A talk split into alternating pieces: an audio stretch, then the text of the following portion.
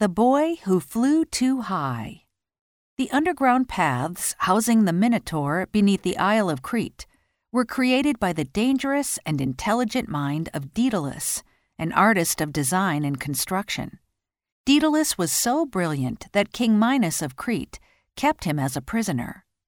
Daedalus lived with his son Icarus in a tower of the palace, and King Minos made him build tremendous weapons of war. Although Daedalus and Icarus had a very comfortable life in the tower of the palace, the father wished to return home to Athens. His son hardly remembered Athens, but he dreamed of running and playing in the open.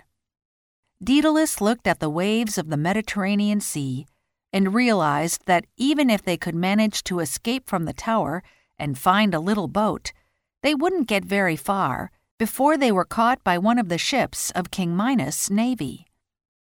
He thought for a long time about the best way to escape, and finally he came up with a plan. He told King Minos that he needed feathers and wax for a new project. After Daedalus received the feathers, he took them to the roof of the tower and placed the feathers into four lines. He organized the feathers from shortest to longest until the feathers formed gentle half moon shapes. Then Daedalus stuck the feathers together with string in the middle and wax at the base. While Daedalus worked, Icarus played with the wax, making it flat between his fingers, and he chased feathers that floated on the wind. Daedalus showed Icarus how he had made the feathers into two pair of wings.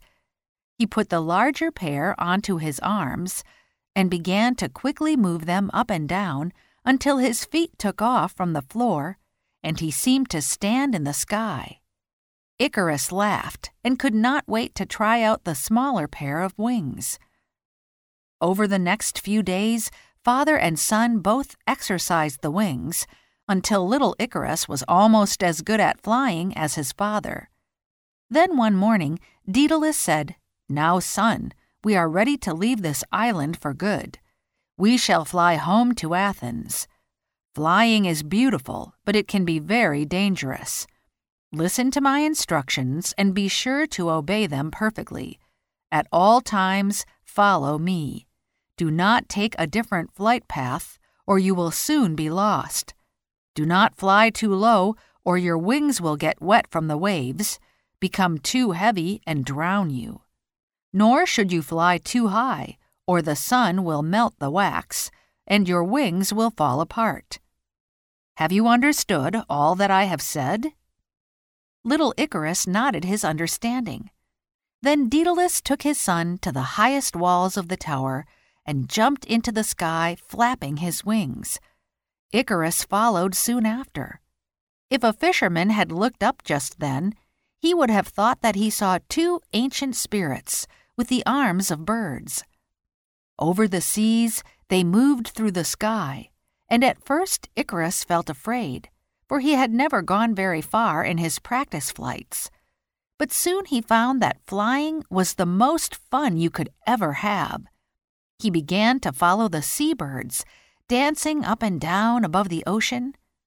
His father turned around and called, Icarus, take care. And for a while, Icarus flew carefully, like his father.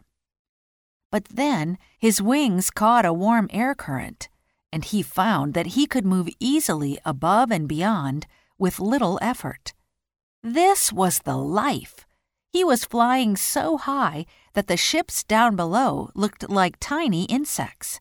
His father called up to him, Icarus, remember what I told you. Come down right now.